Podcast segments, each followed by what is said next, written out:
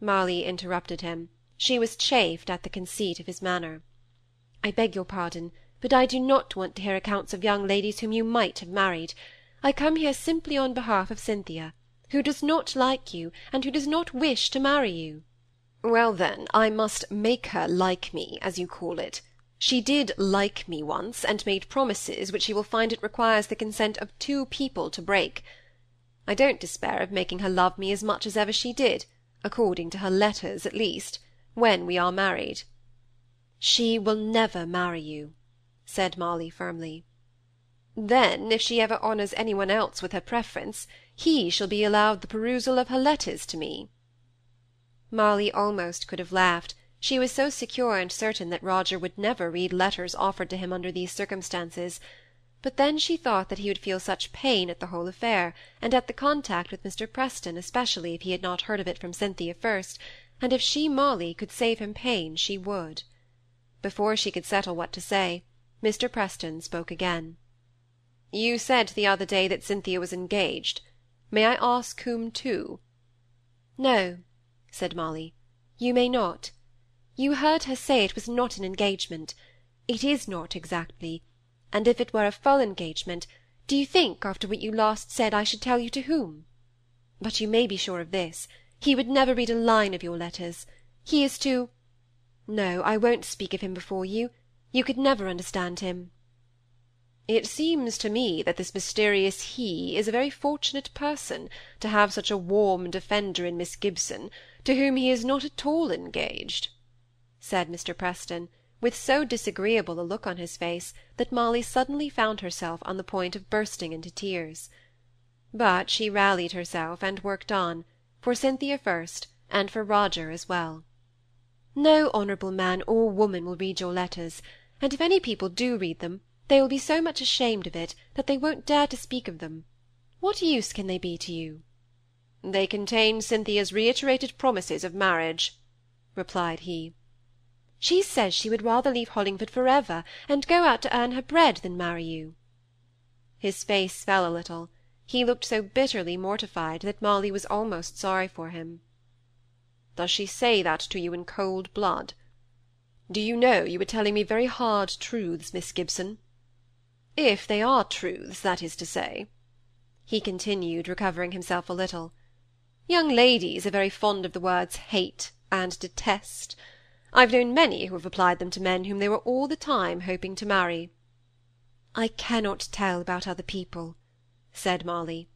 "I only know that Cynthia does Here she hesitated for a moment; she felt for his pain, and so she hesitated, but then she brought it out.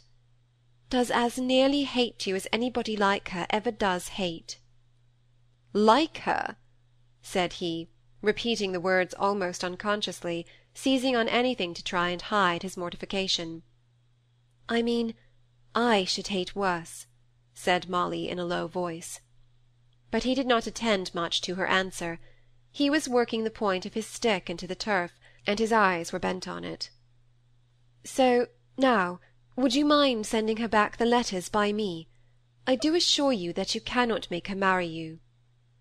"You are very simple, Miss Gibson," said he, suddenly lifting up his head. I suppose you don't know that there is any other feeling that can be gratified except love. Have you never heard of revenge?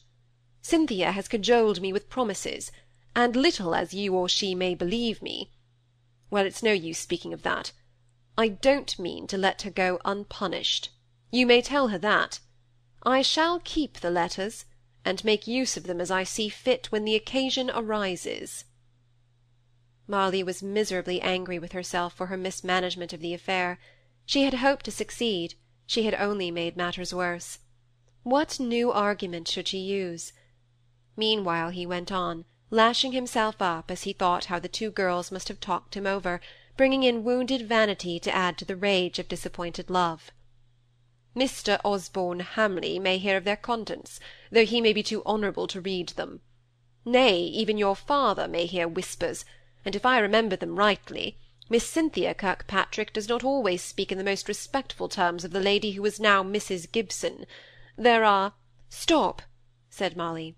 I won't hear anything out of these letters, written when she was almost without friends, to you, whom she looked upon as a friend. But I have thought of what I will do next.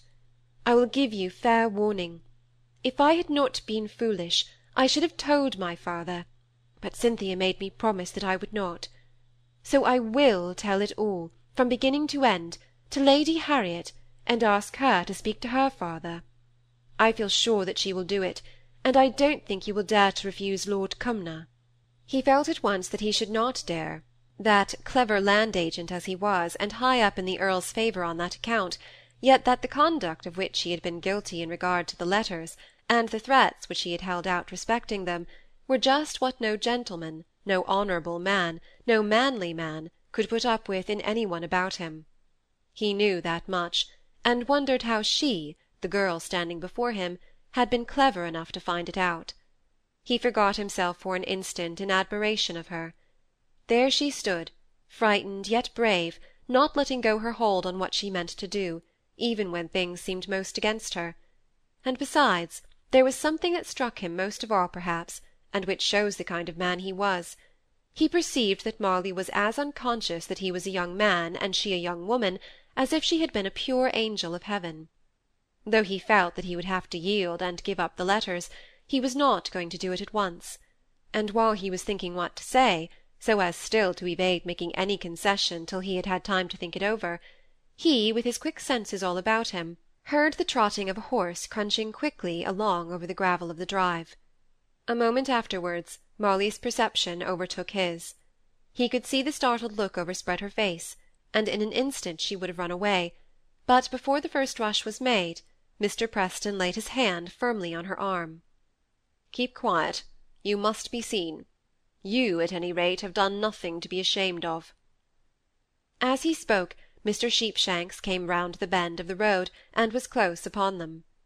Mr. Preston saw, if Molly did not, the sudden look of intelligence that dawned upon the shrewd, ruddy face of the old gentleman, saw, but did not much heed. He went forwards and spoke to Mr. Sheepshanks, who made a halt right before them. Miss Gibson, your servant.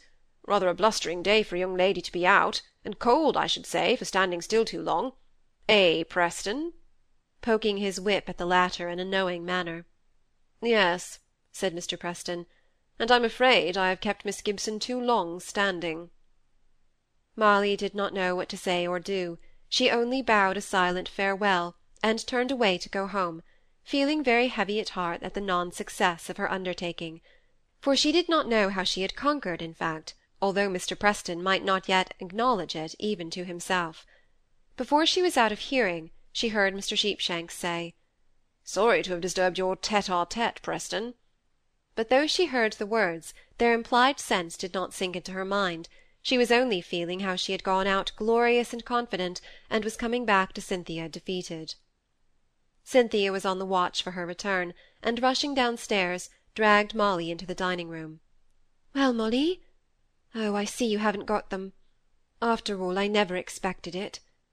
She sat down, as if she could get over her disappointment better in that position, and Molly stood like a guilty person before her. "I am so sorry. I did all I could. We were interrupted at last.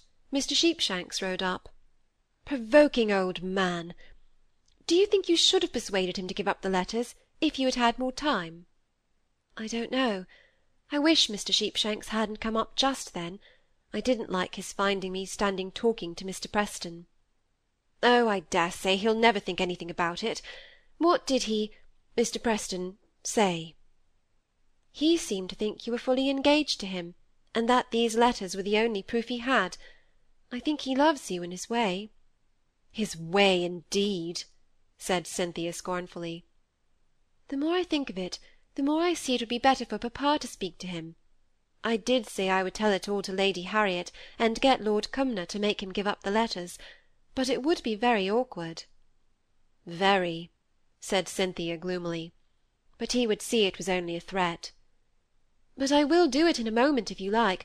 I meant what I said, only I feel that papa would manage it best of all, and more privately. I'll tell you what, Molly. You're bound by a promise, you know, and cannot tell Mr. Gibson without breaking your solemn word.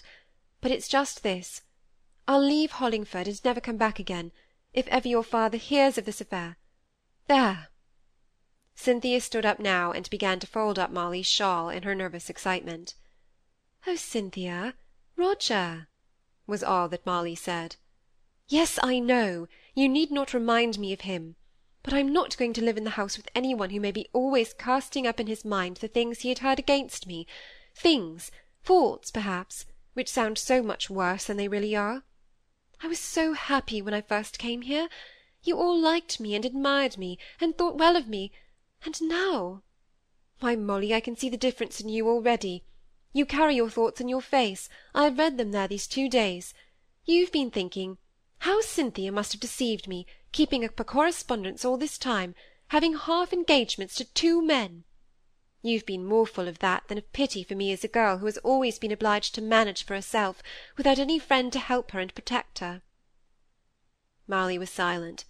There was a great deal of truth in what Cynthia was saying, and yet a great deal of falsehood; for, through all this long forty-eight hours, Molly had loved Cynthia dearly, and had been more weighed down by the position the latter was in than Cynthia herself. She also knew but this was a second thought following on the other that she had suffered much pain in trying to do her best in this interview with Mr. Preston. She had been tried beyond her strength, and the great tears welled up into her eyes, and fell slowly down her cheeks. "Oh, what a brute I am!" said Cynthia, kissing them away. "I see, I know it is the truth, and I deserve it, but I need not reproach you."